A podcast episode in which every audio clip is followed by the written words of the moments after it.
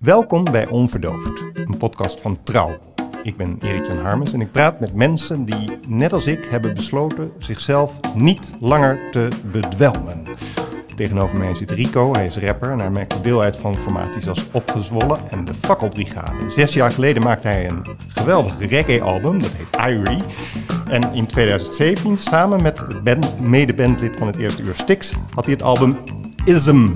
Jawel. IZM, Ism. En onlangs kwam van hun beiden weer een nieuwe single uit Rico, Babies. Babies, ja, Babies. ja, ja. En voordat we gaan praten over het eh, eh, al dan niet onverdoofde leven, eerst even over baby's. Dat kan iedereen gaan luisteren via Spotify, Ja, iTunes ja. en waar dan ook. Dat is een tekst die begint eigenlijk met eh, baby's in de klassieke zin. Ja. Eerste stapjes, luiers, et cetera. En dan loopt het een beetje uit de hand. Dan loopt het uit de hand. Vertel er eens iets over. Nou ja, dat was een beetje het concept zo van, ja, iedereen die wordt ja, geboren als baby. En iedereen die ja, bepaalt of gaat zijn eigen route. En eh, ja, sommige baby's die, eh, die schieten dan de verkeerde kant op of de andere kant op. En daar hebben we het een beetje over eh, gehad. Ja, Ja. want wanneer ben je baby af? Nou, volgens mij al best jong. Ik denk anderhalf of zo. Mijn zoontje is nu anderhalf. En die is twee baby. kinderen? Ja, twee kinderen. Eentje van, van anderhalf en één van drieënhalf. Mac en Bobby. Mac en Bobby. En Bobby die is anderhalf, maar die is geen baby meer. Volgens mij is het al best wel vroeg. Ik denk al binnen een jaar al. Ja, nee, maar ik vraag het natuurlijk omdat het in die tekst opeens Ah. baby's met Rolex en baby's met, weet je wel. Ja, ja, ja, de- precies. Ja, ja, je blijft ook aan de andere kant voor altijd baby, eh, Dat dacht denk ik. dan maar. Ja, Dat dacht ik. Zo is het. Ja. Ja. Deze podcast heet Onverdoofd, gaat over onverdoofd leven. Ehm, leef jij onverdoofd? Ehm, niet geheel. Heel eerlijk gezegd. Ehm, maar onverdoofd genoeg om hier te kunnen zitten. Je voldoet aan de criteria. Ja, dat denk ik wel. Ik weet niet wat de criteria zijn, maar ik denk dat ik er wel aan voldoe. Ja, nou ja, het is eigenlijk des te mooier, omdat je, eh, en dat zei je eigenlijk net voor de uitzending, ehm, je zei, nou Erik-Jan, heel af en toe maak ik een uitgeleider. Ja, ja. Want je hebt drugs gebruikt, Ja, veel. veel drugs gebruikt, Langdurig, ja. langdurig. Daarvoor heb je eh, een aantal malen in een kliniek gezeten, een keer ja, of drie. Drie keer detox. Ja, Drie en, keer eh, detoxen, ontgiften dus. Dat klopt. En februari, 14 februari, Valentijnsdag, ben ik eh, nog een weekje, dat weet, dat weet verder ook niemand, naar de, nu dus wel, nog een weekje naar de, de detox gegaan om te ontgiften van alcohol. Ja. Ja, want dat was, dat ging ook van kwaad naar erger. Ik denk dat het gewoon een vervanging is geweest van eh, het andere middel. Want wat was je andere De middel? andere is amfetamine. Ja. Oftewel op straat noemen ze dat eh, PEP. Ja. Ik kwam net nog eh, toevallig een Belgisch eh, kenteken te- tegen onderweg met PEP erin. Ah ja. Dus krijg je altijd zo'n, er gaat er altijd zo'n lampje branden. Of lampje branden, een soort van, oh ja, oké. Ja. Grappig. Ja. Maar ehm, dat heb ik lang gedaan. Ik denk vanaf mijn ehm, twintigste denk ik dat ik ermee in aanraking kwam. Van een jongen die... eh, Dus ja, woonde je al in Zwolle? toen woonde ik net een jaar in Zwolle. Je, je bent opgegroeid in Harderwijk. Ja, Harderwijk opgegroeid, eh, geboren in Harderwijk en eh, Ja. tot mijn negentiende gewoond. Daar 17e denk ik, 18e. Toen naar Zwolle vertrokken voor de studie. Ja, culturele en maatschappelijke vorming. Ja, zo, hier ben je het goed ingelezen. Nou ja, ik heb het ook gestudeerd. Maar... Oké, kijk, kijk, hier. Ik ben ook in Harderwijk geboren, maar anyway. dat is ook nog eens. Ik hoorde dat, ja. Dat is grappig. Nee, eh, toen kwam ik in Zwolle wonen en ehm, raakte ik al snel bevriend met eh Stix en met eh Delik. Ja. En ook wat andere jongens, waarvan eentje dat eh, regelmatig deed, amfetamine gebruiken. En dan zei ja, moet je eens een keer proberen. En het was eigenlijk, ik heb toevallig, dat kan ik wel melden toch, de podcast van Wim geluisterd. Wim Kieft. Ja, Wim Kieft. Ja, dat uh, zijn. En die zei ook, ja, het was in één keer raak. Zo van, boem, dit is het, weet je wel. Ja. En dat was het voor mij ook. Wim zei ook van, er was niet eens echt een aanleiding. Het was gewoon, het werd aangeboden en hij dacht... Ja, ja, zo is het bij mij ook gegaan. Het is niet dat ik op zoek was daarna. En ik eh, kende, ik was helemaal niet zo bekend nog in eh, de drugswereld. Eh, ik had af en toe wat gedronken en ja, blowen deed ik veel. Ja. Maar dat was, het ging meteen aan allemaal. Wat ging er aan? Ja, vooral als je, ik weet niet of mensen bekend zijn met PEP, doe het niet. Maar, Don't Nee, try this at home. Nee, precies. Nee, het is echt een, een upper. Ja. En als je dat voor het eerst doet, dan sta je gewoon eh, bij wijze van spreken op zijn kop. En ga je, zoals ze dat zeggen, hard. En hard gaan, dat kan dan eh, lichamelijk en geestelijk zijn. En, Dus neemt dan je adrenaline toe of zo? ja, Of wat adrenaline zou je kunnen zeggen. En ik denk dat endorfine en zo, dus Ja. je, je voelt je goed. En eh, scherp, heel scherp en heel... ehm, en dat was mijn... het probleem denk ik ook alle jaren geweest. Nou ja, de jaren dat het nog, ook nog opging met, met het gevoel van, uh, van, uh, van amfetamine. Um, dat ik een soort hyperfocus kreeg en ergens me heel lang op kon focussen. En dan echt lang, weet je wel. En dat was met teksten schrijven heel fijn. Yeah. En dat, ja, ik had ook het gevoel dat ik er creatiever van werd. Hm. Daar kan ik nu pas sinds een paar jaar op terugkijken dat dat niet het geval is. Misschien is het even het geval geweest. Maar al heel snel, um, dus nou ja, heel snel, na een paar jaar, dan merk je dat je er helemaal niet creatiever van wordt. En dat je juist, ja, juist tegenovergestelde, weet je wel. Je wordt er wat, wat, wat, um, ja, uh, nam, hoe, noem je dat? Ja, ja, ja. Nam, ja. dat. Verdoofd, denk ik, of zo? Of, nee, niet ja, nam. een beetje zo platgeslagen. Ja, ja, ja platgeslagen, mooi woord. Ja. En dan, dan komt er dus helemaal niks meer uit. En uh, ja, dat was, dus dat kreeg ik na een paar jaar ook uh, te merken. Ja. Dus, dus je nam deze uppers, deze pep. En ik zie eigenlijk een soort grafiek voor me, zeg maar. Dat uh, de eerste tijd, laten we zeggen het eerste jaar of zo, ik noem maar wat. Ja. Werkte het ook als een upper? Ja, het werkte. En daarna werkt het meer als een... Downer. ja. ja. Nou ja, misschien wel ja. En uh, uh, dat was zeg maar, ik, ik moet even goed kijken hoor, de, de tijdsgeest. Maar ik denk dat ik na vier, vijf jaar voor het eerst aan de bel heb getrokken. Hm. Ja, ja, dat was vijf jaar later. Nadat ik het eerste lijntje had gehad. En dat ging ook van uh, wekelijks, of van misschien zelfs maandelijks, naar wekelijks, naar al uh, snel naar dagelijks. Ja. Dus na vijf jaar, vier jaar dagelijks gebruik. toen liep ik s'nachts in de stad in mijn eentje op een zondagnacht. en een helikopter was mij aan het volgen. En achteraf kan je al zeggen van ja, dan ben je al best wel ver heen, weet je wel. Het was achteraf, dat zeiden ze me ook, dat ik uh, bijna in een psychose, uh, dat ik eigenlijk in een beginstadium van een psychose zat. Hm. Maar die helikopter, die, nu ook, elke keer als ik het vertel aan mensen, uh, dan zie ik hem nog steeds voor me. Ik weet ook zeker dat ik hem gezien heb. Waar loop je als dit gebeurt? In de binnenstad van Zwolle? In de binnenstad van Zwolle, ja. op een plein, zeg maar, bij een kerk. Ja. En, het is nacht? Ja, het is nacht. En ik zie de helikopter en ik denk, jeetje, waarom moeten ze mij nou gaan ja? volgen, weet je wel? Wie ben ik? Maar ja, blijkbaar ben ik dus wel zo belangrijk dat ik gevolgd word met een zoeklicht erbij ook. Ook alweer ja, strelend. Ja, ja, ja, ja, precies. Ja, dat was ook elke keer de vraag van, ja, ben ik zo belangrijk? En toen kwam ik twee jaar gabbes, laat ik zo zeggen, gabbes tegen. Die, uh, tenminste, twee jongens met, uh, met uh, geen haar. Ja. En ik zeg, kijk eens, en die gasten keken in de lucht en zei: Ja, ik zie helemaal niks. Ik weet niet waar je het over hebt. Weet je Ik zeg: Die helikopter. Ja. Zeg maar, het maakt niet uit. Je hoeft je niet zorgen te maken. Want ze komen voor mij. Ze komen niet voor jullie. Dus toen liep ik door. En denk ik, op een gegeven moment dacht ik: Ja, dit is niet oké. weet je wel. Laat ik iemand bellen. Dus ik pak de telefoon. En dat was die, toevallig die jongen die ik dus. Die mij ooit het allereerste lijntje had mm. gegeven. En ik wil hem bellen.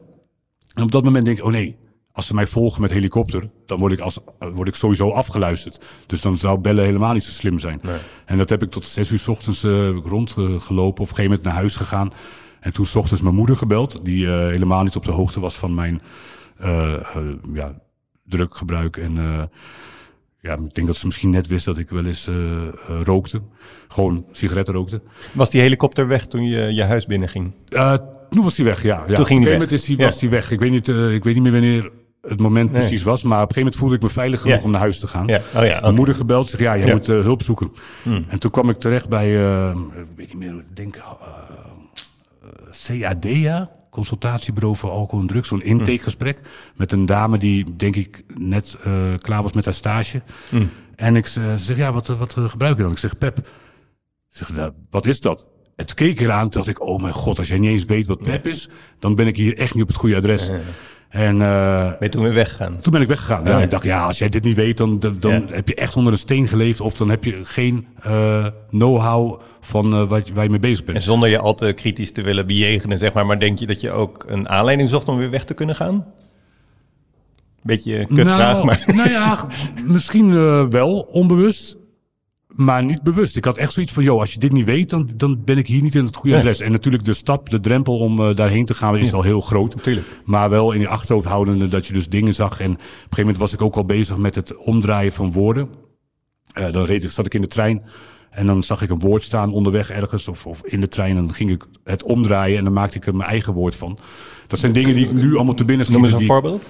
Ja, kijk dan, ik, ik zie hier staan de, de verdieping. Dat kan ik yeah. allemaal. Uh, ja, dan ging ik het omdraaien en dan stond er knip, knipheid, ref. En dan maakte ik er iets van wat een woord zou kunnen zijn, weet je wel. En het is moeilijk, een moeilijk voorbeeld yeah. uh, daarvan te geven, maar Eh, daar was ik dan mee bezig. En ik, in mijn hoofd maakte ik daar ook een, kon ik van elk woord wel iets maken. En Ze doen dat in, in, in Frankrijk, hè? het verlan, de, de straattaal, dan draaien ze alle woorden om. Ja, ja, dus dat een fan ook. wordt een muf. Ja, en, eh, ja. ja, ja. Nee, dat klopt. Nee, in Nederland doen ze dat ook hoor, de, de rapwereld. Ja, ze draaien veel om, maar dat was grappig. Misschien zijn ze ook allemaal Ja, eh. Maar ik deed dat heel erg, eh, ja, ook dwangmatig op een gegeven moment. En het ging ook altijd over mij.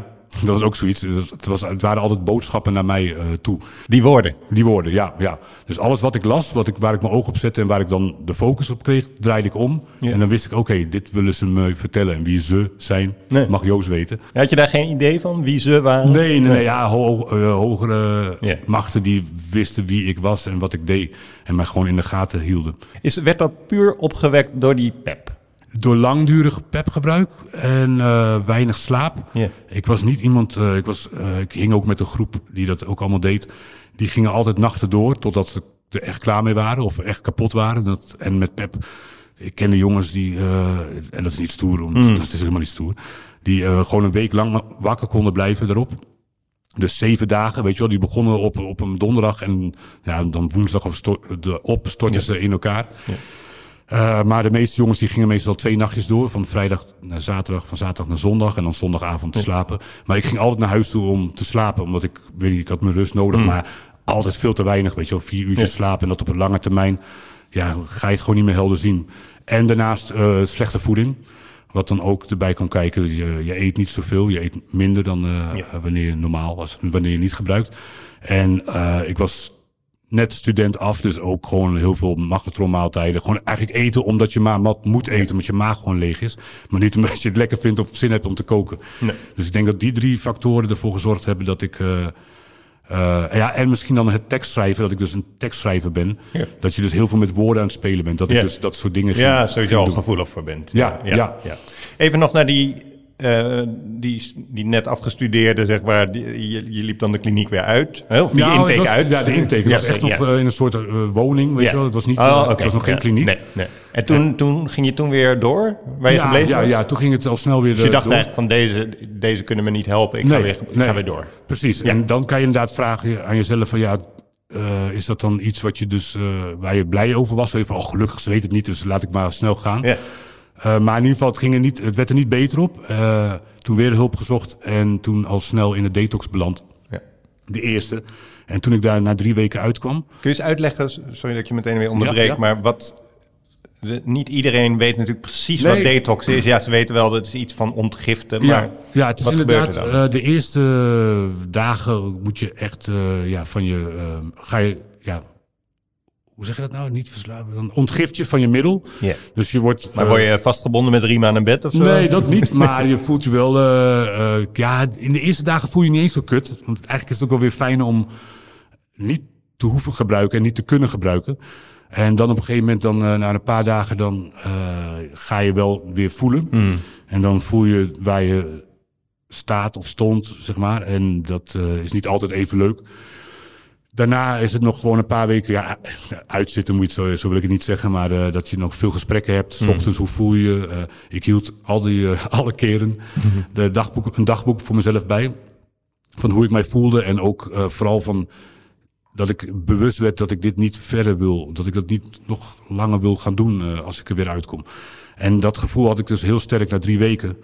Ik dacht echt serieus, dat, dat voel ik me van het diepst in mijn hart, dat ik de hele wereld weer aankon. Ik denk, bam, klaar. Ik hoef nooit meer te gebruiken, het gaat niet meer gebeuren. Totdat dus na een maand of twee, drie denk ik, eh, die, diezelfde duivel, nee, diezelfde gast weer. Ja, ik, mag, ik zeg duivel, maar dat mag ik niet eh, zeggen, want ik doe het zelf.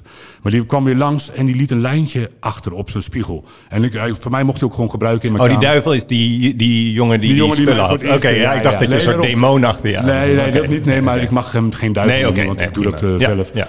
En, eh, maar eh, hij liet een lijntje achter op de spiegel in mijn kamer. En die heb ik dus gewoon, ik denk een maand of anderhalve maand laten liggen. Zo. En heel vaak keek ik ernaar en denk ik, oh, het ligt er, maar ik ga het toch nooit meer gebruiken. Heel raar als je erover nadenkt nu, want... Ik zit meteen, ik zit iets heel raars te denken, Rico. Maar ik denk meteen, en als je dan ging stofzuigen. Ja, nee, ja, het, lag, het lag bovenop ergens, eh, bij mijn cd's. eh, Oké. Dus ja. dat was dat, dat, grappig wat hebt gezegd.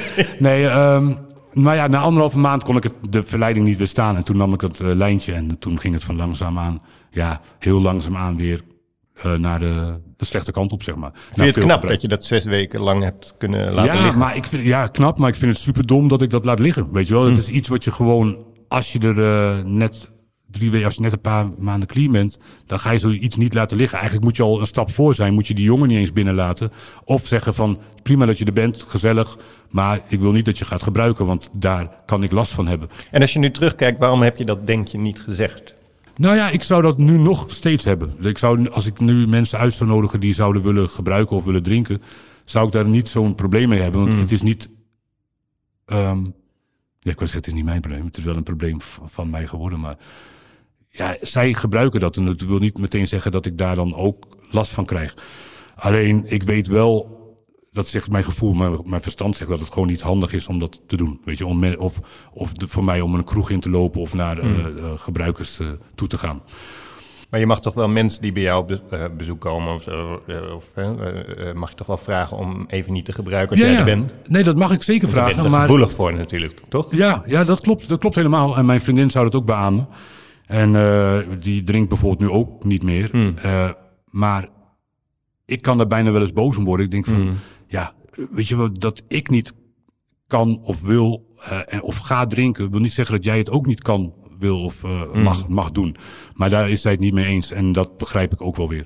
Maar als je dan heel eerlijk bent, hè, want ik zeg dat ook altijd, van eh, bij mij mag je gewoon drinken. Sterker Ja. nog, ik heb gewoon een fles wijn in de koelkast liggen voor gasten. en zo. Ja? Ja, Zo. dat wel, ja. Maar ik ben er niet ongevoelig voor, snap je? Ik weet wel dat hij er ligt. Ja, nou ja, precies. snap je? Ja, ja, dat is even leuk om eens een klein zijpaadje in ja. te gaan. Eh, dat ik altijd een soort eh, bijna, well, ontzag is een groot woord, maar wel een soort van respect had voor lui die dus een wijnkelder of een wijnhoek of, of eh, whiskies, weet je wel, van die mooie 20 jaar oude Glen, eh, of eh, van die maltjes, weet je wel, of, whatever, wodka in een huis hebben liggen en dan af en toe daar een glaasje van Ja, nemen. daar ben, heb ik ook wel heel veel respect voor. Ja, ja, ja. Ik denk, hoe kan je dat doen, weet je wel? Want eh, als ik een fles drank thuis had, dan moest die op, weet je wel? En dat was dus zo. Dat, dat deed ik dus ook altijd. Ik haalde dan... het- Nu gaan we al helemaal. Nee, nee, maar ik hou de tijd. lijn wel vast. Oké. Nee, dat ik dus altijd haalde wat ik op eh, dronk. Dus ik, om mezelf te beschermen... eh, Een rantsoen. sorry? Een rantsoen. Zeg maar van, stel... Ja. Nee, ik, als ik een liter haalde, dronk ik een liter op. En ik Ja. dronk dan altijd wodka. Ja. Dus ik haalde gewoon een- zo'n klein flesje van 3,5 eh, 100 milliliter. Weet je, Oh ja. om mezelf te beschermen. Want anders, want die ging ook op. Ja. En eerst begon het met de kleinste. En dan werd het gro- 3,5 100 milliliter na Ja. een paar weken. En toen werd het een halve liter. Dan denk ik, ja, dat is nou, 3,5 is net te weinig. Dan Ja. zit ik net met dat laatste slokje van... Ja, ik had toch wel zin in nog een gla- glaasje. Met een halve liter. En dan van een halve liter naar 700 milliliter. En dan de, als de klap op de vuurpijl eh, een liter. En dat ging dan ook elke avond eh, op. Was dat bij drugs ook zo? Want je refereerde al aan Ja. die podcast in deze serie met Wim Kief. Ja. En die had af en toe van die taferelen dat hij eh, een gram bestelde. En Ja. dan daarna diezelfde dealer weer Ja. belde nog een gram. En dan weer, weet je wel? Ja, nou heel herkenbaar. Ik had het dan niet met eh, eh, Pep, want ik denk dat het grootste verschil met die twee middelen Ja. zijn, is de prijs. Oh ja. Pep koop je voor 5 euro en dat andere Ja. 50. Ja. En bij mij was het ook zo, als mensen het op tafel hadden, beide op tafel, weet je, op een spiegel.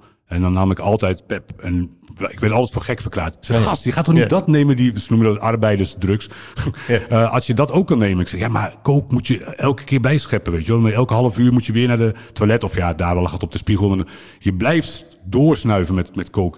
En met pep heb je niet. Want als je een goede lijn neemt of je hebt goede pep, dan heb je voorlopig niet nodig. Oh ja. Waardoor je dus ook eh twee of drie of vijf gram of soms tien gram tegelijk kon halen. Want je, je kan niet, of kan niet, alles kan natuurlijk, maar ik kon me niet kapot snuiven of zo. Weet je? Want op een gegeven moment als je te veel neemt, dan word je heel raar van. En dat wil je niet. Je wil gewoon Hoezo heel raar? Kan je er iets over nou, vertellen? dan ga je. En vooral als je lang wakker blijft en veel blijft snuiven, dan word je ook ga je richting het trippy en eh, hallucinerend en niet meer goed eh, kunnen be- bewegen. Eh, trillerig, heel trillerig. Het is net alsof je dan, ja, weet ik veel, misschien echt twintig bakken koffie achterover slaat, weet je wel, echt achter elkaar. Dan ga je helemaal onrustig worden en eh, dat is niet fijn. Dus je gebruikt, probeert zo te gebruiken dat je er elke keer goed, wat Ja. is goed, bij voelt. En eh, dat, ja, je kan, ik kan me niet voorstellen dat mensen vijf gram in een dag op kunnen maken aan pep. Want dan heb je of hele slechte, Of je bent echt een heel doorgewinterde Ja. eh, gebruiker. Maar dat, ik weet het niet. Kijk, een grammetje lukt makkelijk. Twee gram ook wel. Maar daarna wordt het echt lastig om dat op te kunnen maken.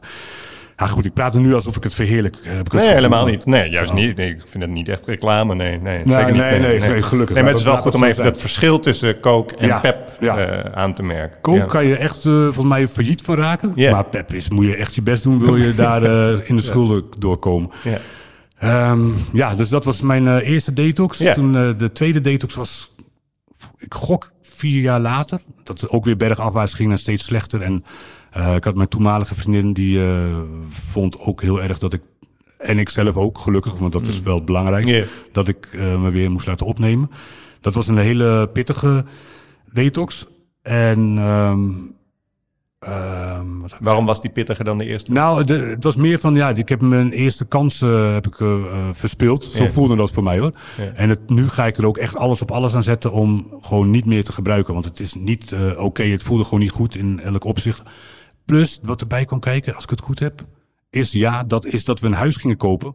Hmm. En dat ge- gezeik heb ik trouwens nog steeds nu, want ik, het is mijn tweede woning die ik heb gehad. Hmm. Het is wel erg persoonlijk wat ik vertel, maar ik kreeg dus geen ehm, ehm, eh, overlijdingsrisicoverzekering. Ah. omdat ik eh, gebruiker ben. ik was een te groot wel risico. gehad hoor, dat soort shit. Ja, ja. ja. dan, dat- Levensverzekeringen zo doen altijd heel moeilijk. Levensverzekering, allemaal moeilijk doen. Terwijl En jij nu waarschijnlijk zo gezond leeft. Ja, ja dat je de, precies. Dat je de eerste zou moeten zijn die iedereen krijgt. Maar Daarom, ja, ja, anyway. dat zou je zo kunnen zeggen inderdaad. Maar ik was, daar, daar word je heel kwaad. Ik werd daar heel kwaad om. Ja. En vervolgens ook was het heel confronterend, weet je wel. Van shit, betekent dus dat die, de overheid dus mij Ja. dat geld niet eh, Ja. eh, wil geven. Omdat zij vinden dat ik een te groot risico ben. Eh, hetzelfde als wat hoor je toch ook vaak met, met kankerpatiënten of, Ja. of ja, mensen die ernstig ziek zijn geweest. Die krijgen het niet. Juist degene die het, Ja. vind ik, hard nodig Ja, hebben. natuurlijk. Maar anyway, Maar het is eh, gewoon een economisch beginsel natuurlijk. hè? ja. Het is gewoon een sommetje wat ze maken. Ja. precies. Dus we moesten aan de, de Maar was ouders- daarom die tweede detox? Nou ja, en we moesten dus aan de ouders de deur kloppen om een eh, Ah. garant te kunnen staan, weet je wel. En die ouders wisten van niks. Dus ik moest gewoon in één keer open kaart spelen dat ik een drugsverslaafde ben. Mhm. Hoe lomp het ook klinkt. En die vader was heel kwaad. Hij zegt, ja, weet je wel, dus nu kom je aan, eh, nu trek je aan de bel, nu je geld nodig hebt, weet je wel. En dat is eigenlijk heel erg waar. Ook heel confronterend. Dus Ja. weet je, alles zei van nu... Ook moet niet ik- heel vriendelijk. Nee, niet vriendelijk. Nee, hij luisterde, maar hij heeft het wel gegeven. Ja, oké. Nee. kunnen zeggen, dan, eh, zoek het maar uit, weet je wel. Ja, ja, oké. Ja, dus ik vond het wel, het was heel eerlijk en heel, eh, Ja, ja. ja. heel recht toe, recht aan. Dat is bijvoorbeeld, Stix is ook altijd heel eerlijk geweest tegen mij. Die heb ik ook een paar keer gewoon jankend eh, op de stoep gestaan. En ja, nu ga ik echt stoppen, nu ga ik echt stoppen. Weet je, en dan zeg ja, eerst zien dan geloven, weet je wel. Eh, ik- je kan het wel zeggen nu. Dat zei hij tegen jou. Ja, ja, en dat zijn hele harde opmerkingen. Want Ja. je wil eigenlijk gewoon een, een knuffel. En zeg ja, het komt wel goed, weet je wel. Maar juist die opmerkingen, die staan mij nog het beste bij, weet je wel. Want dat arm om je heen slaan als je je niet goed voelt... dat heeft, geen, ehm, heeft wel waarde, maar heeft geen nut op een langere termijn of zo, weet je wel. Want je wordt dan nog in een way, in een way eh, eh, betutteld. Weet je wel, van ja, ik heb een probleem, ah, wel goed, Want dit hele probleem speelt, dit speelt, want je, je noemt Stix, jullie hadden samen die formatie eh, opgezwollen. Ja. andere, maar, maar ik bedoel, speelde deze hele, ja, je kan zeggen deze hele opmars, maar je kan ook zeggen deze hele downfall Mhm. qua drukgebruik, tegelijk met het opkomen van opgezwollen. Ehm, nou ja, ik begon gebruiken bij de opgang. Ja, van de opgang, Ja, zei ja. ja. van eh opgezwollen. Dus eh, het speelde wel mee, ja, ja. Maar het heeft niet een... Tenminste, ik... In mijn optiek heeft het nooit een rol gespeeld. En er werd ook nooit over gepraat. Deed het stiekem? als- sorry? Mijn Deed het stiekem dan? Of- ja, ja, ja, ik gebruikte alles stiekem. Ja. Nooit in hun bijzijn. Nee. Ah. Ik ging altijd naar het toilet. Dat was ook zoiets. Dat, ook, dat zal een eh, ex-gebruiker of gebruiker ook eh, allemaal kennen van, eh een, van uppes, van snuifmiddelen. Mhm. dat je dus gewoon weet van, weet je in het wc-rol hangt een... eh, in die oude wc's heb je dan een wc-rol en dat hangt zo'n buisje in. En dat buisje kan je er zo afhalen en dat is een perfecte snuifbuis. Ah. En ik kende bijna elke toilet, weet je wel, van, van de kroegen ken ik gewoon binnenste buiten. En ik wist precies van, oké, hier moet ik dan even toch wat eh, een pa- pa- papiergeld pakken. Ja. Oh ja, hier is al, ligt altijd zo'n dingetje. Een snuifbuis. Dat is lekker ja, woord. Ja, Ja, precies. Ik vergeet dat er, we zijn aan het praten, maar ik vergeet dat, dat als je het luistert, dan is Ja, het natuurlijk anders dan wanneer ik, eh, Ja. eh, als je het als luisteraar luistert. Ja, dus dat soort dingen leer je dan allemaal. En ook, eh, ik snoof overal, weet je wel. Dus ook gewoon bij mijn familie of eh, mijn ouders. Eh, Want een gegeven moment was het weer tijd voor een lijntje en dan nam je dat. Ja. Eh, ja, Maar ik bedoel, ik, ik, ik vraag het ook omdat ik eh, vele jaren heb opgetreden met gedichten dan en, met, eh, en, en dat soort dingen. eh, onder invloed. Hè? Dus Ja. ik, ik ging gewoon van tevoren, ik had al zo'n basisrecept van twee Belgische bieren of twee Mhm. cognac. Ja. Een van de twee. Weet je wel? Dat was dan net even zo. ja even maar heel zo'n, vaak was het eh, ijsbrekertje, Ja. zeg maar. Ja. Maar had jij dat ook? Dat je zeg maar deze eh, shit nodig had om... Omdat je ook zei van het, het gaat ook om losgaan. Ja. ja. Had je het ook nodig om los te kunnen gaan op het podium? Nou, ik denk op een gegeven moment wel, omdat ik dus, eh, ik stond ermee op en ging ermee slapen, weet je wel. Alleen op wat ik ook ging doen. Dus of ik ging optreden of dat ik Ja.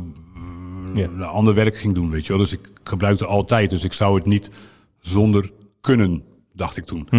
Ehm, maar op den duur ging ik, merkte ik wel dat net voor de show, dan, dan nog even een klein eh, nifje. Maar dat is eh, om jezelf dan moed in te snuiven. Alleen eh, het, werkt, het werkte al zo lang toen de tijd al averechts. Dus hoe meer je nam, hoe meer je teruggetrokken werd en een soort...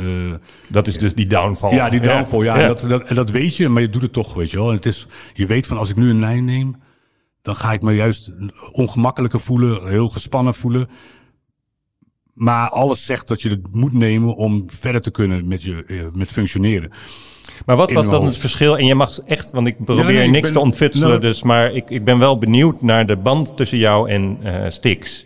In Ja. de zin van, jullie, waren, jullie zijn beide toonaangevende rap, rappers en taalvernieuwers. Ja, nou ja, Eh, ja, dat is gewoon zo. Een enorme legacy. Mhm. En jij hebt dat creatief proces heel vaak, heel lang nog gehangen aan dat drukgebruik. Vertelde je 15 minuten geleden, zeg maar. Van dat je ook dacht dat het je creativiteit ja dat, ik dacht dat ik met creatie... Dat ik zat creatief- anders in de wedstrijd dus, wat dat betreft. Ja, die zat heel anders in de wedstrijd. Kun je daar iets over vertellen? Net wat je wil. Ehm, nou ja, goed. ehm, hij wist op, de, op een gegeven moment wel dat ik dat deed, regelmatig deed. Maar we hadden het er gewoon nooit over. We, we waren eigenlijk altijd, eh, en zijn nog steeds, muziek. Weet je, het eh, draait eigenlijk altijd om de muziek. En niet om wat, wat voor middel jij neemt om je muziek zo goed, te kunnen, zo goed mogelijk te kunnen doen, eh, uitvoeren, je tekst schrijven. Dus daar hadden we het echt nooit over. En ook eh, de andere jongens niet. Nee. Maar ze merken wel dat ik dan eh, dat ik op den duur wat, wat, wat stiller werd en wat eh teruggetrokkener. Misschien dat ik er op mijn slechtste tijd was ik, ehm, ik denk 61 of 62 kilo. Dus dat, dat zag je er ook wel vanaf. en Omdat je nauwelijks at. Ja, omdat ik nauwelijks at en gebruik. Het gebruik, dat, Ja. dat, dat, dat, hoe heet het, hoe heet het nou, dat eh, maakt je gewoon eh, dun. ja, Zo, ja, ik kan er heel iets moois van maken. Iets maar- met je stofwisseling of zo. Ja, of iets precies. dergelijks. Ja, ja, ja. En ehm, ja, hij zat anders in de wedstrijd. Hij deed het nooit. Hij heeft het misschien wel een keer gedaan hoor, één of twee keer of zo. Maar het, was niet dat het hem bezig hield, eh, drugsgebruik. En drinken wel. Drinken deden we allemaal wel. Maar wat, waar ik naartoe wil is eigenlijk ook, omdat je dat al even kort zei, het verband tussen dat drukgebruik en creativiteit. Want dat is natuurlijk een heel... Ja, nou ja, goed. Kijk, het zijn een paar verschillende dingen. Bij ja. begintijd was het. Zo voelde het echt ook dat ik dus een lijntje nam en denk, bam. In één keer kreeg ik allemaal ingevingen. Weet je wat mensen ook misschien met blowers hoor je dat ook wel eens zeggen van, dan nam ik een blow. En Ja. ging ik heel, uh, Ging een wereld voor me open. Ja, wereld voor me open. Eh, met drink, drinken heb ik dat trouwens niet zo eh, gehad. Niet Hmm. Nee. zo erg, maar met dat middel wel. eh amfetamine, Hmm. pep. Ehm, maar naarmate je langer gaat gebruiken, wordt het gewoon een, het wordt een dagelijks ding. Ik vergelijk het als mensen het vragen, vergelijk, vergelijk ik het altijd met koffie drinken. Weet je, staat op, je neemt een ontbijtje, neemt een koffie. En ik nam ontbijtje, nam ik een lijntje en ging de dag door. Dus dan werd het gewoon, het was, het hoorde gewoon bij de dagelijkse, da- bij het dagelijks leven. Eh, dus dan valt het creatieve, dan is het van of je nou wel of niet, ehm, of het nou wel of niet zo is dat ik er creatiever van word, valt dan eigenlijk weg. Want het is gewoon onderdeel van mijn leven. Dus het, het is dan op een gegeven moment niet meer van ik neem een lijn en in één keer krijg ik allemaal ja. ingeving. Want je, je gebruikt de hele dag door, elke dag. En jaar in, jaar uit. Weet je. Dus dan gaat dat niet meer op over dat creatieve zijn. Nee. Denk ik, vind ik, vind ik. Ehm, maar ja, dat is dus na een paar jaar, als je dat eh, stevig door blijft gebruiken. Ja. Voor, voor mij geldt dat. Sommige die ik ken, sommige mensen die ik ken, die zijn nog steeds in gebruik. Had je toen wel, want we zijn even blijven hangen nog qua structuur bij die tweede detox, Ja, daar komen ja. we zo weer op terug. Maar had je dan wel een soort angstbeeld van als ik hier ooit mee kap, als ik hier ooit mee stop, Ja. dan stopt ook mijn creativiteit. Dat heb ik eh, eh, wel eens gehad. Heel, ja, Had je, die, had je dat angstbeeld van als ik hiermee stop, dan stopt ook de creativiteit? Uh, dat had ik, ja, angstbeeld had ik niet, omdat ik kosten wat kosten wilde stoppen. En dan zou het misschien ten koste gaan van mijn, uh, hoe noem het, artistieke tijd of ja, ja. Mijn, van het schrijven. Maar dat nam ik voor lief uh, op dat moment. Want ik was echt, ik was echt gebrand op stoppen. Ja. En uh, ja, dan die aanvaring met die uh, vader van mijn ja. ex-vriendin, dat was ook wel pittig. De, ja, je voelt je heel klein als zoiets wordt gezegd. En vervolgens heb je dan een woning, een koopwoning. Je voelt in één keer verantwoordelijkheden. Ja. En um, ja, alles bij elkaar uh, heeft ervoor gezorgd dat ik dus echt graag uh, wilde stoppen. Mm.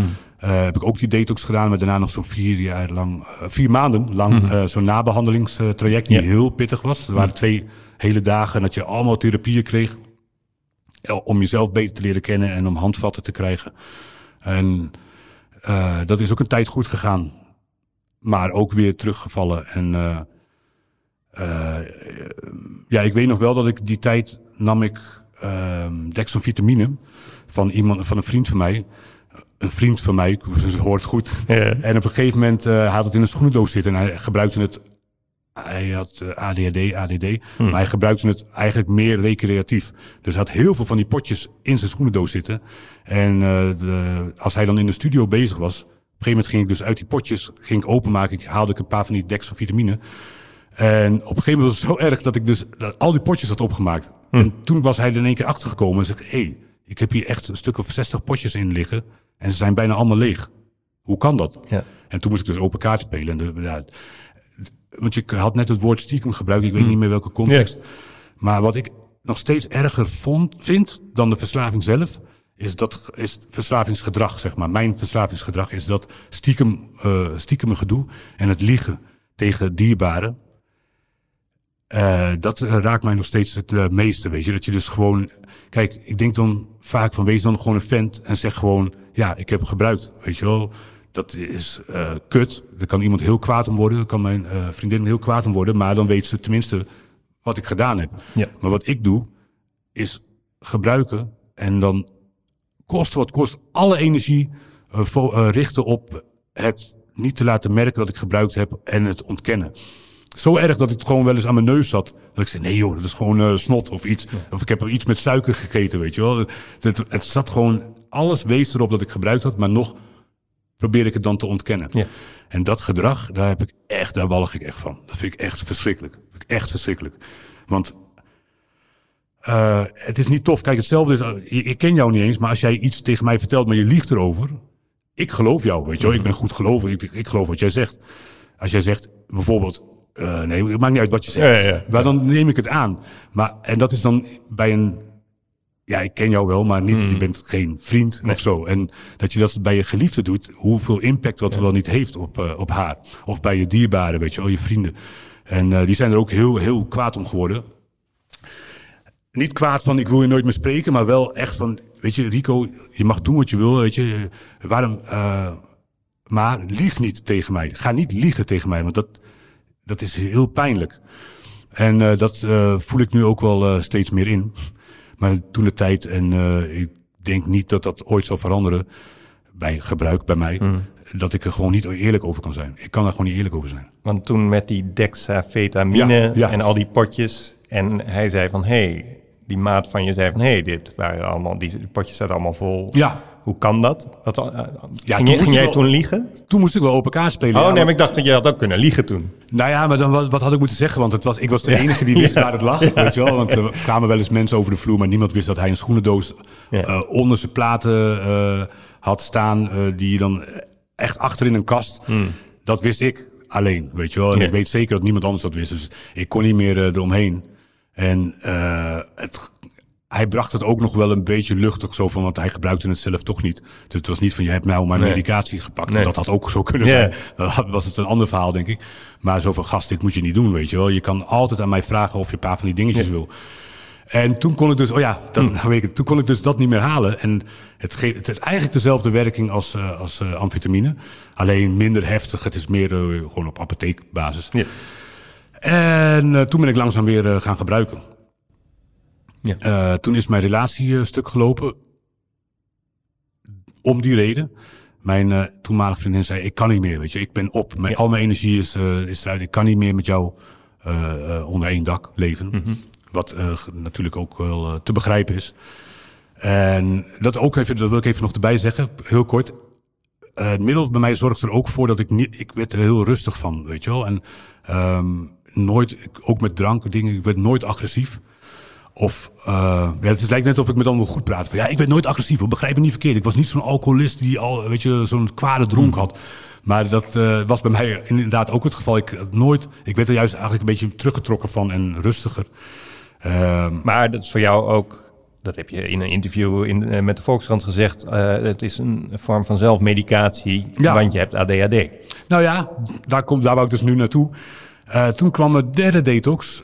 Oh, Oké, Eh, ja, dat was ehm, Hoe, lang, hoe, la- hoe lang geleden is dat, de derde? 2000, 2012, 13 denk ik Hmm, ja. ongeveer hoor. Misschien dat ik er eh, naast zit. Hmm.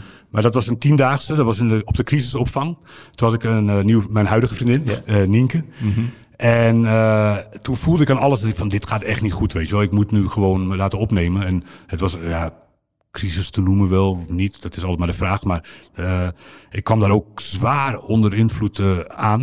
Ik had net nog een laatste bom, eh, zoals ze dat noemen, genomen voordat ik daar naar binnen ging. Wat is een bom? Een bom is zeg maar, eh, dan stop je eh, de amfetamine in plaats van nasaal, Ja. eh, st- stop het in een vloedje.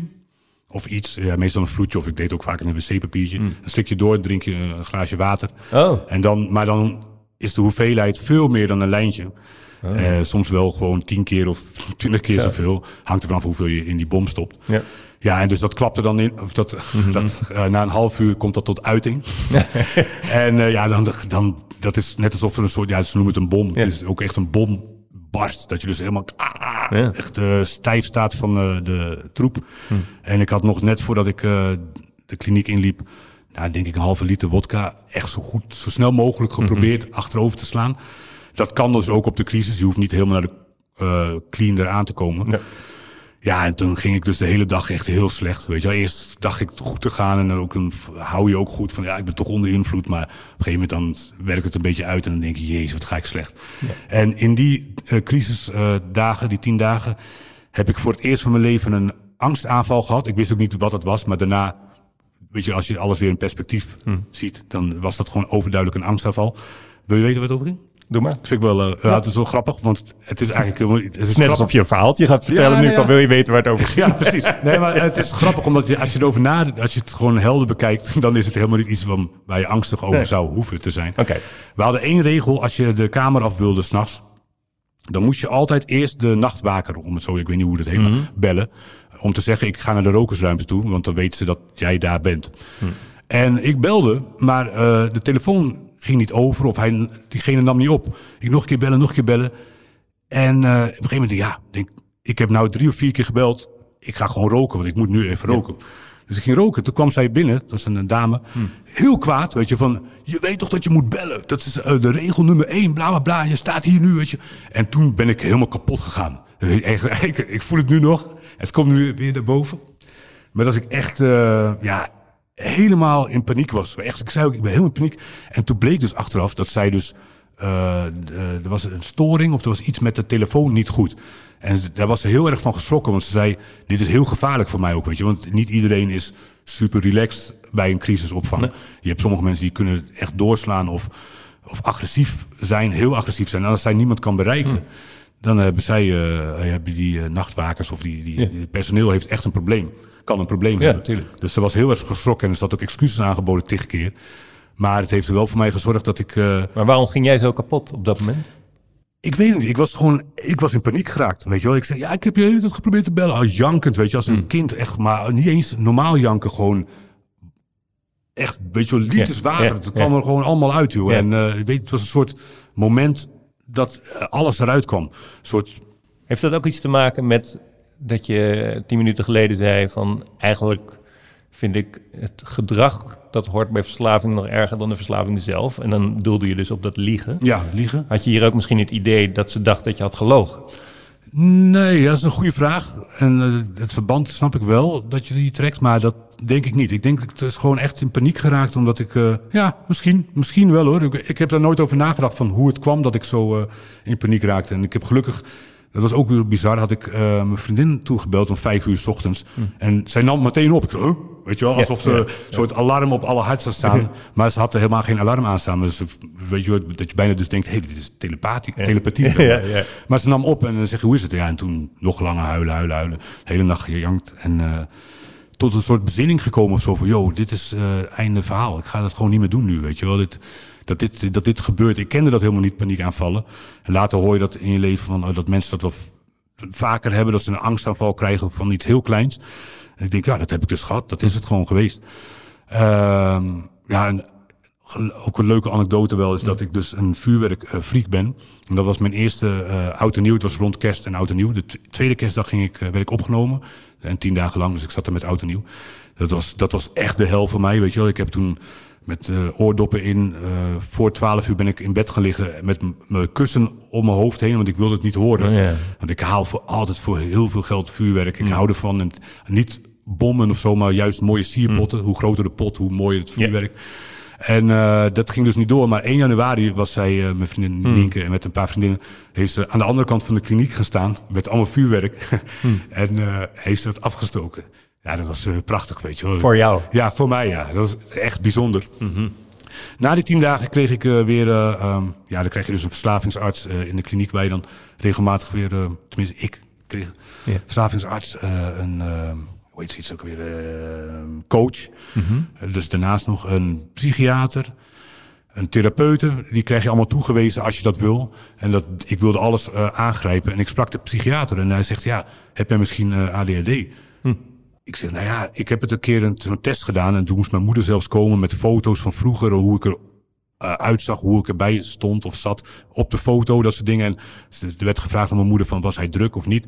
En mijn pa, uh, die woont inmiddels al op Peruba, zijn al lang mee uitgeschreven. Hmm. Die vond altijd dat ik heel druk was. Hij zegt, ja, als het, als het uh, aan mij had gelegen, had ik jou aan een riem vastgehad. Ja. Weet je wel, uh, als we op straat ja. gingen. Maar dat wilde je moeder niet. Ja, maar mijn moeder zegt, nee, je was altijd heel rustig. Dus ik werd gewoon afgewezen, om tussen aanhalingstekens, uh, voor de ADHD. Maar die psychiater zei, ik hoef niet eens een test te doen, want ik hoor al aan jou dat jij, je bent super druk. Je hebt gewoon ADHD, weet je wel. Dat kan ik je nu al hm. een brief meegeven. En toen gaf hij mij die medicatie die ik dus gejat had uit die schoenendoos. Die ik dus... Ah, je kreeg die medicatie? Ja, die medicatie. Ja. Nou, eerst kreeg ik een week Ritalin. Ja. Ritalin is, heeft een andere werking. Ik ja. kan je niet de verschillen precies nee. uitleggen, maar daar kon ik, werd ik heel scherp van, maar ik kon niet meer antwoorden van het spul. Dus dan, ik hoorde jou en ik snapte precies wat je zei. Maar alles wat eruit kwam was meer blubber of zo. Maar Rico, mag ik je heel even onderbreken? Ja. Want dan is het dus zo dat jij voor de derde keer um, gedetoxed hebt. Ja. In het natraject van het detoxen wordt vastgesteld dat je ADHD hebt.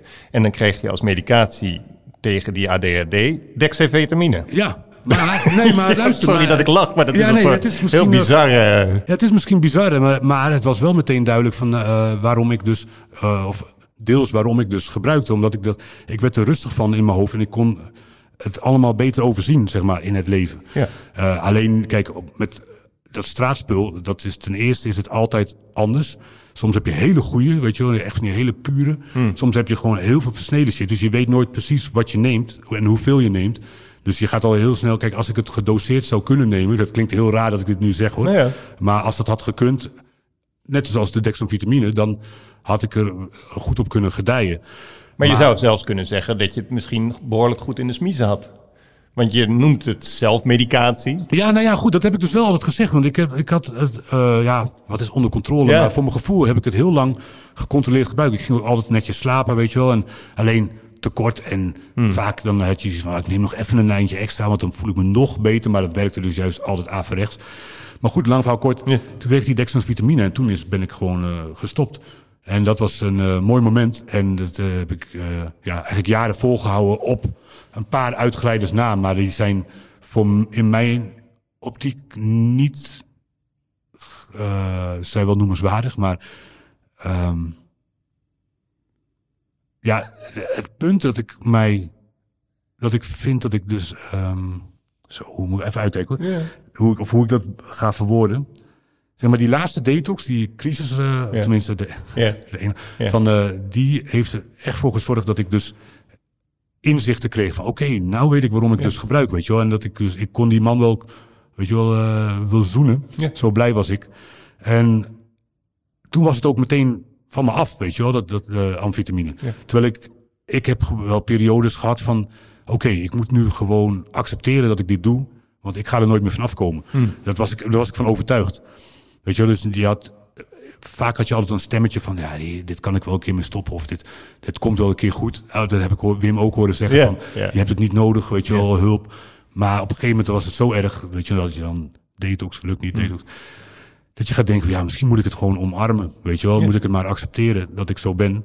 En ik wou, geen, ik wou bijna namen noemen, maar Hmm. zeg maar de oude man, eh, de man die be- bekendste Zwollenaar, die heeft het ook gewoon eh, omarmd en geaccepteerd. Die De bekendste Zwollenaar? nou ja, gebruiker.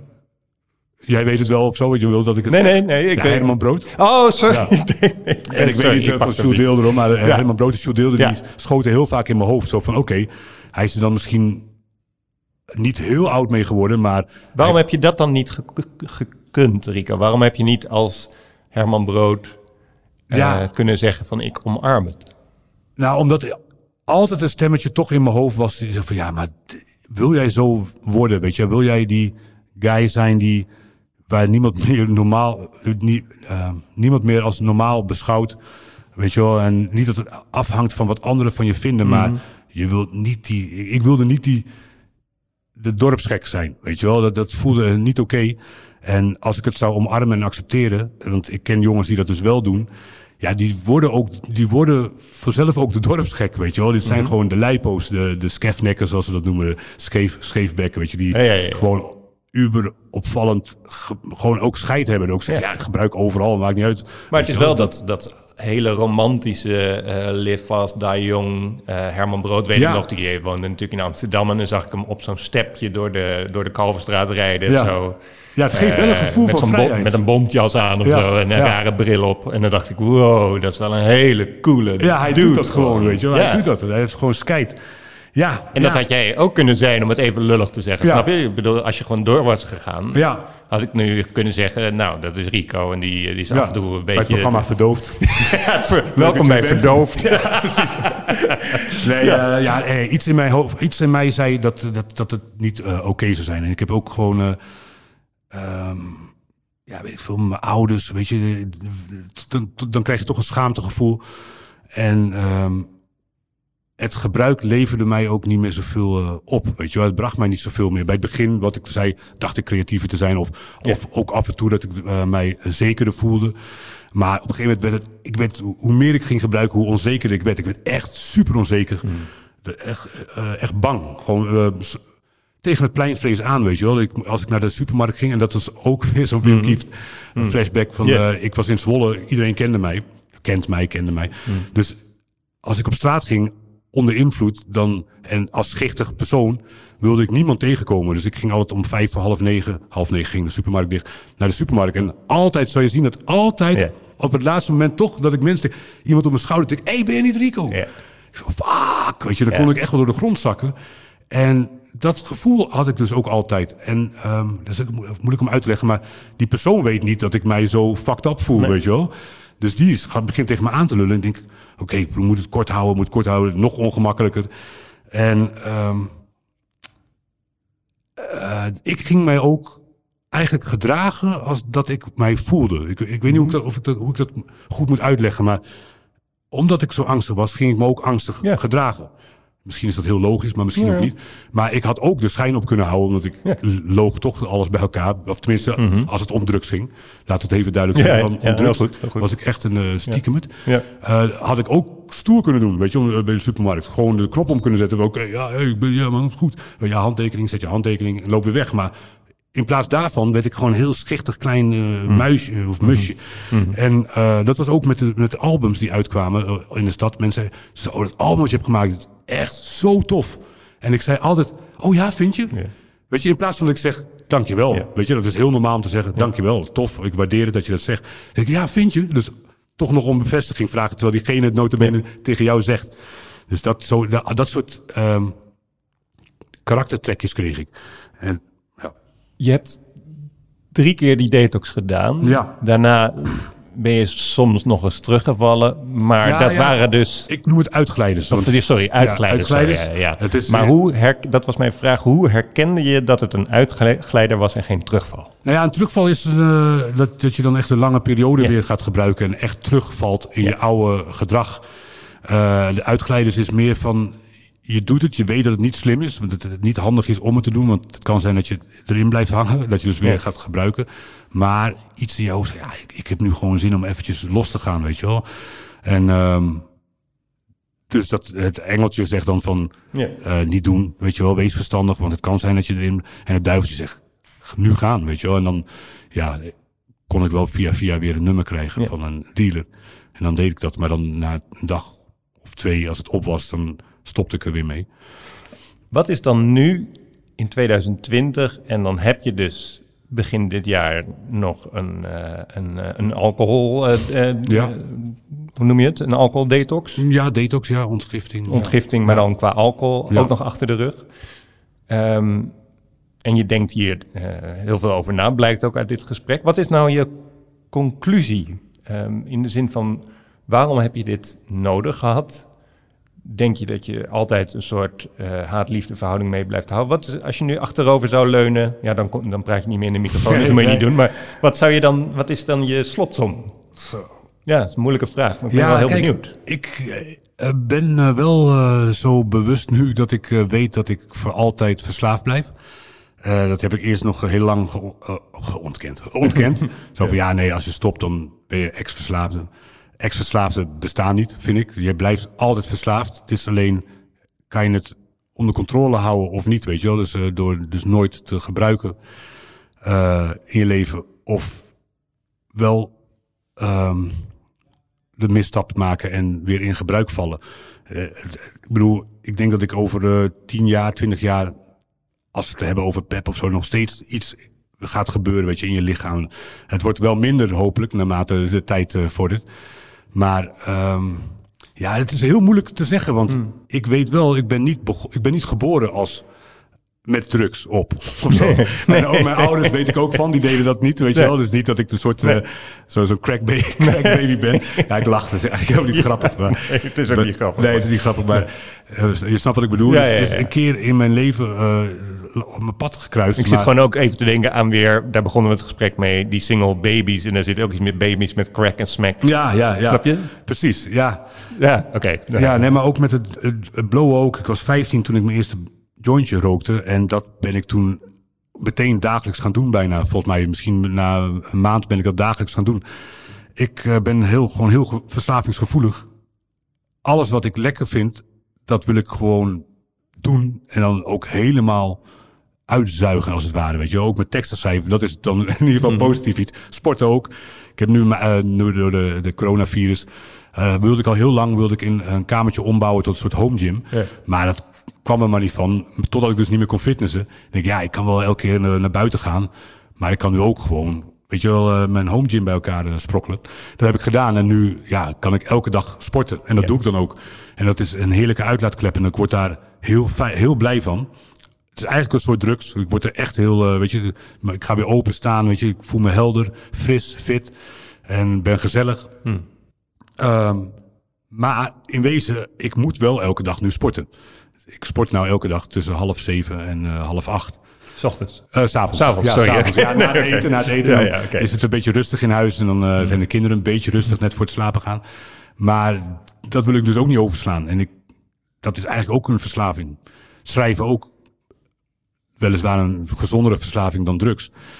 En, eh, maar drugs, dat is dus de, de keerzijde, is ook heel lekker en eh, fijn om te doen, vond ik.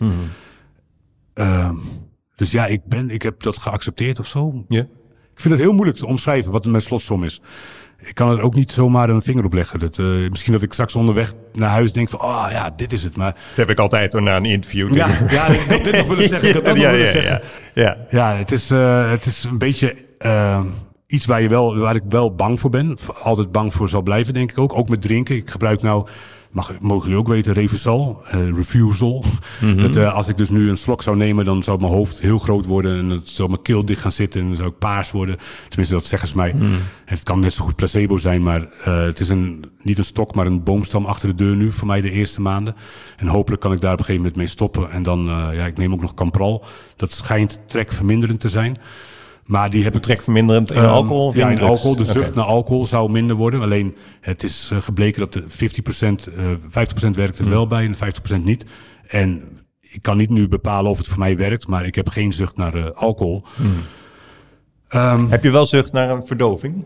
Nou ja, je zegt al sporten is, is heel ja, belangrijk. is het een verdoving? Is sport een Ik verdoving? weet het niet, maar we zitten natuurlijk in een coronatijd. Al jouw optredens zijn, neem ik aan, ook allemaal Ja, alles is afgezegd. gecanceld. Alles dus is dus gecanceld. mis, je, mis je dan nu iets? Eh, nee, ik heb gelukkig... Prikkels? Nou ja, ik, eh, ik zit één keer in de week in de studio Mhm. bij een kameraad. En daar neem ik veel tracks op. Maar als dat er niet zou zijn, zou het wel problematisch kunnen zijn of worden. Ik heb mijn kinderen, dat is ook meer dan een stok achter de deur, weet je, waar ik een goede vader voor wil zijn. Natuurlijk mijn vriendin. Maar dus het studiowerk is ook iets wat ik echt wel moet doen, weet je wel. En ik ben heel blij dat ik vier uur per dag, ik heb één dagdeel dat ik bij hem terecht kan, want hij is bezig met het mixen van een eh, album van een andere vriend van mij. Ja, kan ik wel zeggen, van Typhoon. En daar is hij heel druk mee bezig, dus hij heeft eigenlijk heel weinig tijd voor mij. Maar ik heb dus een waslijst, elke eh, donderdag is dat, eh, van to-do-list, weet je wel, voor de nummers die ik dan wil aanpassen en nieuwe nummers die ik wil opnemen. Dat moet allemaal in vier uur gestampt worden. Maar daar haal ik ook heel veel voldoening uit. En eh, ja, uit thuis, ik ben heel veel aan het eh, wandelen met, met de jongens. Heel veel naar bossen toe en uh, heides. Ja. Heerlijk, weet je tot rust komen, af en toe vogelen. Ja, veel de natuur in. En, Vogelen, ja, dat is ook een ja, hobby van af en toe ja, met mijn aquarium bezig. Aquascapen doe ik. Ja. En dat geeft mij... Aquascapen? Ja, ja. ja, ja. Daar komt een andere podcast over terug, want het is een... Zou we nog een aparte podcast hebben. Ja, precies. Maar zou je denken dat jouw creativiteit, die dus blijkbaar niet uh, afhankelijk Nee. is geweest van drugs of, uh, en ook niet van alcohol, maar is die nu anders? Ja, anders. Um, dat wel, maar dat wijd ik dan aan mijn volwassen worden. Mhm. Mm -hmm. Maar dat zou ook kunnen zijn dus door het niet meer gebruiken. Je bent nu 42, hè? Ja. ja. Maar ik was, ja, ik ging alle kanten op met mijn teksten. En ik heb een heel lange tijd gehad dat ik het ook verheerlijkte. Niet uh, harddrugs gebruik, maar gewoon ja, een jointje roken, moet kunnen, drinken. Weet je wel, met, met, met de boys in de kroeg. Dat doe ik nu al niet meer, al lang niet meer. Uh, dus ik verheerlijk het niet meer. Maar ik ga ook steeds meer naar mezelf kijken. Weet je, al de laatste teksten die ik schrijf, de laatste 10, 20, dat zijn eigenlijk allemaal best wel egoïstisch en arrogant. Maar het gaat allemaal over mezelf. Weet je wel, hoe sta ik in het leven? Hoe, waar, waar, wil ik naartoe in mijn leven? Weet je wel, wie wil ik zijn? Dat soort vragen die je dan. Ik, ik herinner me dat uh, uh, Freak the Flow. Dat, dat nummer van jou. Ja, wat ja. ik echt een supergoed nummer vond altijd. Zo lekker snel. Ja, ja. Maar dat gaat ook, dat is nog echt ook zo van, uh, ik ben geniaal, et cetera, et cetera. Dat ja, soort... ik ben de beste rapper. Ja, ja, ja. ik ben nog steeds hoor. Maar, Tuurlijk, nee, maar nu hoef je het misschien niet meer zo hard te roepen. Maar Freak the Flow was net nadat ik uh, de tweede detox heb gehad. Toen was ik net, ja goed, dan kunnen we ook gewoon eerlijk zijn, open kaart spelen. Toen was ik net afgekikt en bij mijn producer, en jullie weten wie de producer is mm -hmm. van DMT, uh, daar, uh, die had die potjes. Dus daar uh, kwam dat potjesverhaal van de... DMT van de is dat album, hè? Ja, DMT, ja. En dat ja. is ook een... Een ja, is, de ene noemt het wel drugs, de ander niet. Maar dat is ook een geestverruimend middel. Maar ja. dat was dan gewoon de muziektrip voor ons, weet je wel. En dus in die tijd was ik nuchter. Ja. Punt. Ja. ja, ik weet niet waarom ik dit zeg, maar je vroeg denk ik iets. Ja. Dus maar, uh, ja. Het is, nou ja, ik vroeg natuurlijk naar de, de of je creativiteit anders is ja. dan die was. Ja. Nou ja, ja, nu is het wel anders, maar... En je zegt, ik heb een hele waslijst. Elke donderdag als ik nog een... Uh, ja, dat had ik voorheen dus ook niet, weet je wel. Er was, ging gewoon de studio in en gingen we schrijven. Maar dat is ook anders geworden. Wij hebben ook met DMT, niet DMT, met ISM, weet je, we hebben allemaal kinderen. We hebben allemaal beperkte tijd om in de studio te zitten. Dus je benut die tijd Gelukkig benutten wij die tijd ook gewoon heel, uh, heel uh, goed. Maar uh, de tijd van opgezwollen, toen hadden we geen werk, niks. We zaten gewoon zeven dagen in de week in de studio. Dus dan ben je ook gewoon sommige dagen helemaal niks aan het doen. Ja. En dan ga je, toen de tijd ging ik dus wel sneller veel meer gebruiken of zo. Ja. Dus je bent nu ja, gewoon beter je tijd aan het verdelen. En met twee kinderen heb je ook ja. gewoon niet eens tijd voor. Weet je wel, laat staan, al zou je het hebben, dan heb je er niet eens tijd voor om het te doen. Dus dat zijn allemaal positieve dingen. Aan het eind van dit gesprek, Rico, blijf ik nog eventjes hangen bij, uh, want dat herken ik ook wel heel erg. En ik denk heel veel mensen die luisteren herkennen dat. dat je dat liegen ehm, Ja. veel erger vond, eigenlijk nog, als het een wedstrijd zou zijn, eh, veel erger veel, vond dan gebruiken. Ja, ja. Is dat nu klaar ook dan? Is het liegen gestopt met het gebruiken? Eh, nou, ik vind, en ik zeg ook altijd, en ik, dit moet ik aan mijn vriendin eh, vragen of het zo is, maar ik vind dat ik alleen maar lieg over het gebruik. En dat denk ik ook. Dat geloof ik ook. Dat, is dat als het gaat om het middel, dan word ik één stiekem eh, papi. Eh, maar voor de rest lieg ik niet. En dat is, maar dit kan zij beter zeggen dan ik. Weet je wel, ik heb niet, eh, eh, geen reden om te liegen over dingen, behalve als het gaat om mijn gebruik. Ja. Dus dat is eh, hoe ik erin sta. Hoe voelt dat? Dat je niet meer hoeft te liegen? Nou, dat voelt heel fijn. Dat voelt heel heerlijk. Want dat is het, een hele grote last van je schouder. En je hoeft niet meer eh, ja, te liegen. Zeg maar. Dus je kan jezelf in de spiegel kijken en eerlijk aankijken. En ook zeggen, ja, ik ben nu eerlijk. En ik sta nu voor wie ik ben. Want dat, daar gaat het eigenlijk om. Want ik, als ik het zou accepteren, dat ik zou gebruiken... dan zou ik ook niet hoeven liegen. Dan zeg ik, ja, ik gebruik. Je, je hebt met een gebruiker eh, een relatie nu. Daar kan je voor kiezen of niet. Maar eh, met het niet gebruiken, dan hoef ik dat ook niet te doen. Dan valt dat gewoon weg. Maar weet je, eh, waarom vond je het zo, zo erg om te liegen? Ja, het is iets verschrikkelijks. Want je, je houdt je, uiteindelijk jezelf voor de gek. Je kijkt in de spiegel en je zit gewoon te praten over iets wat er niet. Wat, je, je zit gewoon de boel, de gek.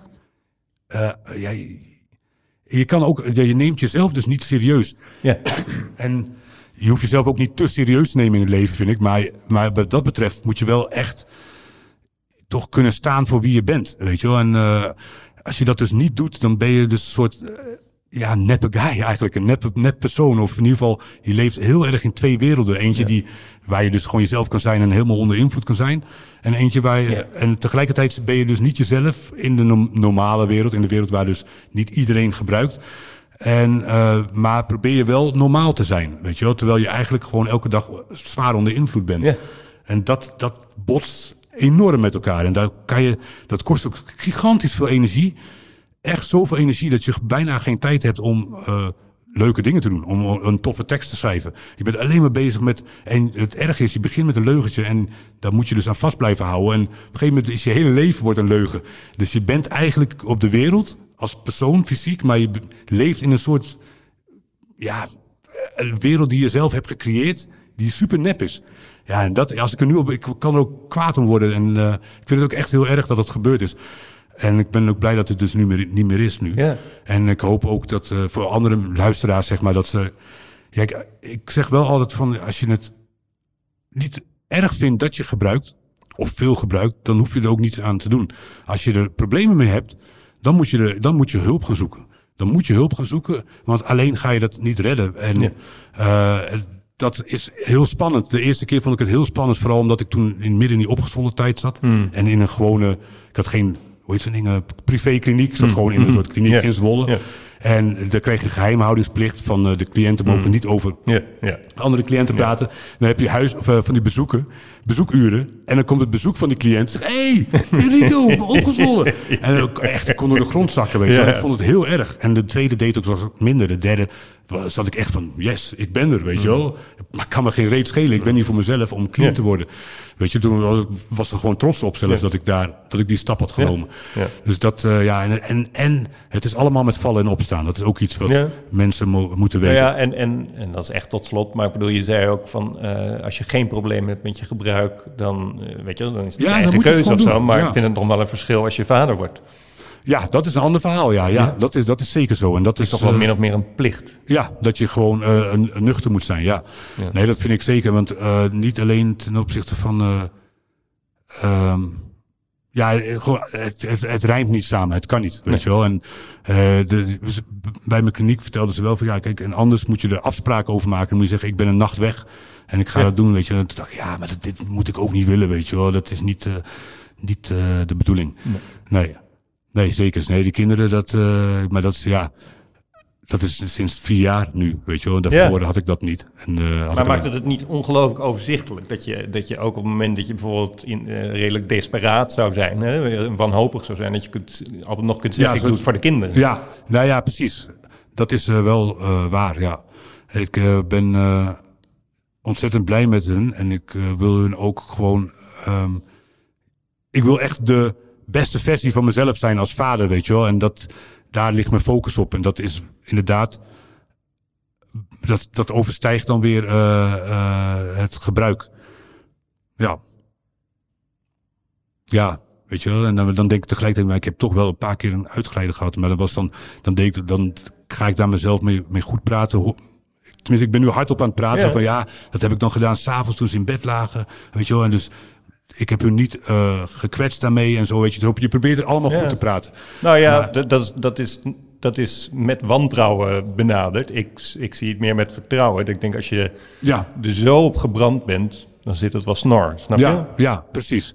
Als je er zo op gebrand bent om goed te leven voor je Ja. kinderen en dan nog bedenkt, nou, ik ben één avond een keer, weet je wel, Mhm. dan zit het wel goed. Ja, nee, en zo voelt het ook hoor. Het, het zit goed. En eh, wat dat betreft vertrouw ik mezelf nu ook veel meer. Ik kan nog niet zeggen 100%, maar wel, ik heb wel zelfvertrouwen weer, weet je wel. En eh, ik ben zeker van mezelf. Het was en tevreden. En ik kan zelfs wel zeggen gelukkig. En dat eh, is heel lang, heel lang heel anders geweest. Ja, Dankjewel. graag gedaan. Faculteit is voor de kinderen. Yo, faculteit is voor de kinderen. Wie en voor de kinderen.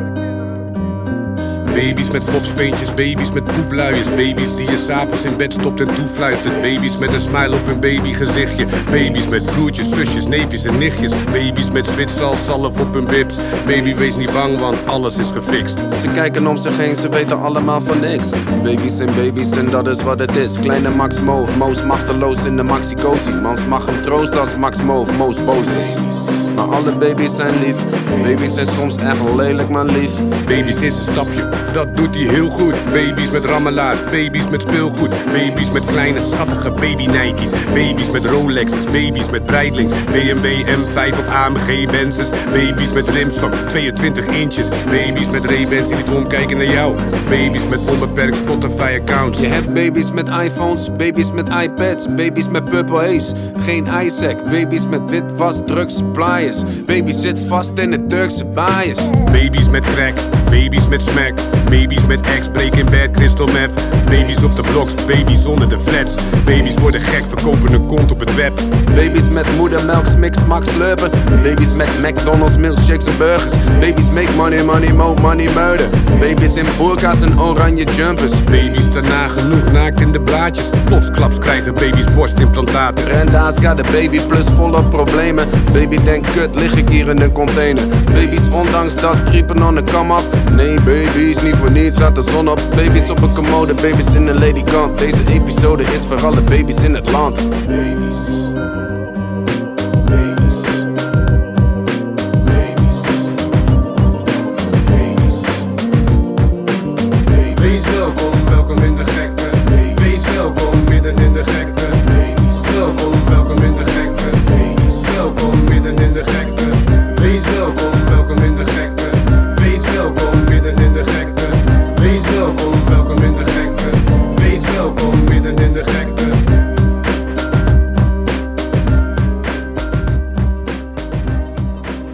Hoorde nog een eh, klein stukje van eh, de nieuwe single van Stix en Rico, getiteld Babies. Dit was aflevering 11 van Onverdoofd. Bedankt voor het luisteren. Dank aan Joris Belgers en Daan Hofstee voor de techniek. Een geschreven weergave van dit gesprek vind je in de tijdbijlage van Trouw en lees je op trouw.nl schuine streep onverdoofd. Abonneren doe je via de geëigende podcastkanalen. En wil je reageren, dat vinden we altijd heel leuk, mail dan naar tijdpost.trouw.nl. Dat is tijdpost.trouw.nl. We worden dagelijks overladen met overbodige informatie. En het is moeilijk de zin van de onzin te scheiden. Daarom vertrouw ik op echte journalisten in plaats van meningen. Een krantenmens heeft het gemakkelijk. Word ook een krantenmens en lees je favoriete krant nu tot wel zes weken gratis. Ga snel naar krant.nl. Bezorging stopt automatisch en op deze actie zijn actievoorwaarden van toepassing.